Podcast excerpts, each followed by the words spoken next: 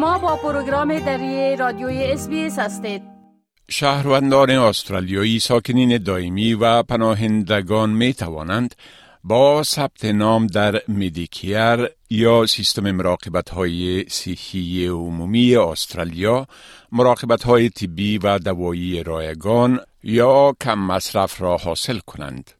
مدیکیر مخارج انواع گوناگون خدمات ضروری طبی، ملاقات ها با دکتران، آزمایش های خون، پاتولوژی، بررسی اجمالی عکس برداری یا اکسره و بعضی از جراحی ها یا عملیات را تخفیف می دهد. همچنان آزمایشات سالانه چشم توسط متخصصین بینایی و وقایه اطفال را پوشش می دهد. Medicare در هماهنگی با طرح مزایای دوایی معروف به PBS که دواهای تجویزی را تخفیف می دهد کار می کند. جاستن بات معمور اطلاعات اجتماعی خدمات استرالیا می گوید که اولین قدم برای دسترسی به این طرحها گرفتن کارت و شماره مدیکیر است. Once you enrol with Medicare, Services Australia will send you your Medicare card, and you should take that Medicare card with you when you go to visit your doctor. The Medicare card is going to have your individual Medicare number on it. And you can use that Medicare card to get access to those services, to those reduced prescriptions from your chemist, for reduced bills from the doctor, or possibly not paying anything through bulk billing. وقتی که در استرالیا احساس بیماری می کنید باید اول به یک دکتر عمومی یا جی پی در یک کلینیک یا مرکز طبی مراجعه کنید.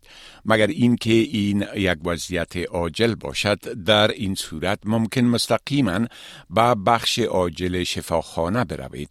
اما در اکثر حالات مردمی که حالشان خوب نیست یا نیاز به معاینه طبی دارند باید به ملاقات شخص مثل دکتر دگلاس هور دکتری عمومی که ده هاست در حومه شمالی سیدنی مشغول کار طبی بوده است بروند. The GP in Australia can probably handle 80 90% of most conditions that a patient comes in to see the doctor for. Whatever comes in the door, he'll treat. He'll listen to your symptoms and try to ascertain what your problem is and then what needs to be done uh, for treatment and trying to explain it all to the patient. They are the best equipped medical to be able to treat the patient holistically. دکتری عمومی ممکن تصمیم بگیرد که بیماران را برای انجام آزمایشات بیشتر یا اجراعات طبی دیگر بفرستد یا آنها را به دکتر متخصص ارجاع دهد. بیماران در حالات جدی ممکن به شفاخانه فرستاده شوند.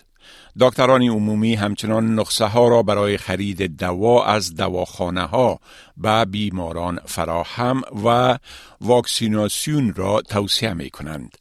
بعضی از خدمات به صورت کامل توسط میدیکیر تخفیف داده می شود و بعضی دیگر صرف به صورت نسبی تحت پوشش قرار می گیرند.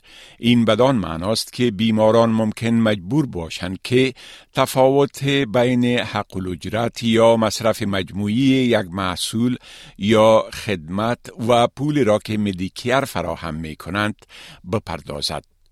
یکی از خصوصیت های مهم سیستم میدیکیر و دکتران عمومی بلک بلینگ نامیده می شود.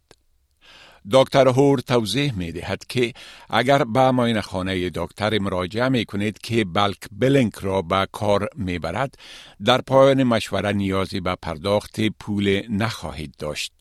Depending on which practice you go to, which doctor you see, and in what circumstances, it's up to the doctor and the practice whether they bill the consultation directly to the government via Medicare or whether they charge the patient privately. If you go along to a bulk billing doctor who is happy to forego a private fee and is happy to charge the consultation to Medicare, you don't have to pay any money out of pocket. اگر به دکتر مراجعه می کنید که بلک بلنگ نمی کند احتمالا در پایان مشوره باید مصرف کامل را بپردازید. ولی با این هم ممکن مقدار از آن پول را از طریق سیستم تخفیف مدیکیر پس بگیرید.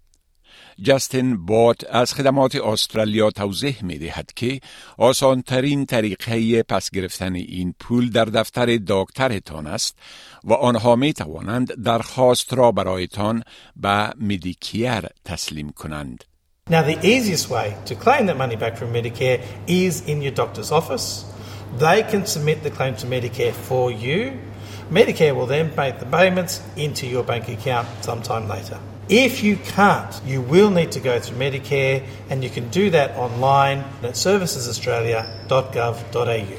مالیه پردازان استرالیایی میدیکیر را از طریق سیستم مالیات بر درآمد با مالیات میدیکیر تمویل می کنند. مبلغی را که سهم گیرندگان به این سیستم می پردازند با در نظر داشت سن و وضعیت خانوادگی شخصی آنها فرق می کند. اتباع آسیب پذیر و کم درآمد استرالیا و ساکنان دائمی مانند دارندگان Concession Card و Commonwealth Senior Card مزایای اضافی Medicare و تخفیف های طرح مزایای دوایی PBS را حاصل می کنند. آقای بات توضیح می دهد که هم سیستم Medicare و هم طرح مزایای دوایی دارای جنبه حد مصرف بر دوا و تداوی هستند. پس از افزایش مصرف از حد تعیین شده بیماران تخفیف بیشتر را بر مخارج طبی دریافت می کنند.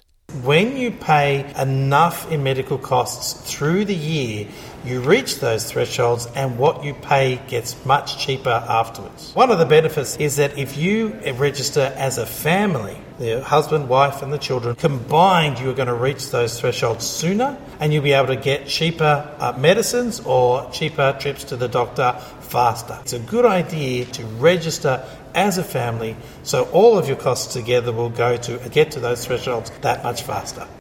بیماران همچنان می توانند برای کمک در پرداخت مصرف خدمات و تداوی هایی که تحت پوشش سیستم دولتی نیستند مانند مراجعه به دکتر دندان خدمات امبولانس و بعضی از واکسین ها بیمه صحی خصوصی را با مدیکیر مکمل کنند بیمه صحی خصوصی همچنان به بیماران اجازه می دهد تا به شفاخانه های خصوصی مراجعه کنند که دسترسی آنها به جراحی های غیر عاجل و سایر آزمایش ها را سرعت می بخشد.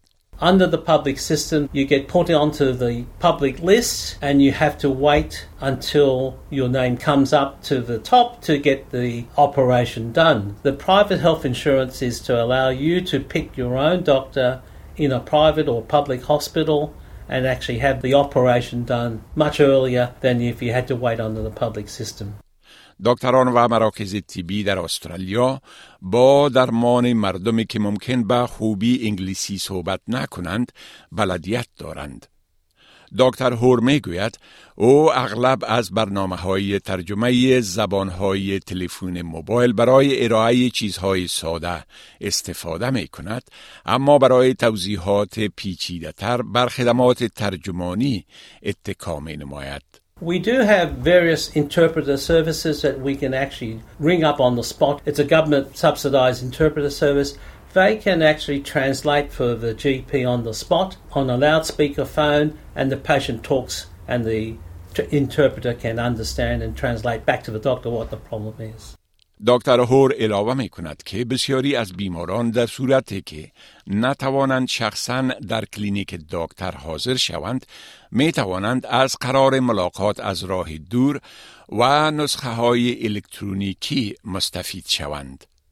این خدمات هم توسط میدیکر و پی بی اس یا طرح مزایای دولتی پوشش داده می شوند. To be eligible for telehealth, the patient has to be a patient of that doctor in the previous 12 months. Telehealth allows the doctor to talk to the patient by either just direct audio or through a video consultation, and we're able to treat the patient because we're now able to do e scripts, which allows us to write a script with a QR code on it email the script to the patients and they can take it to the pharmacy and be dispensed the script item without even touching the GP.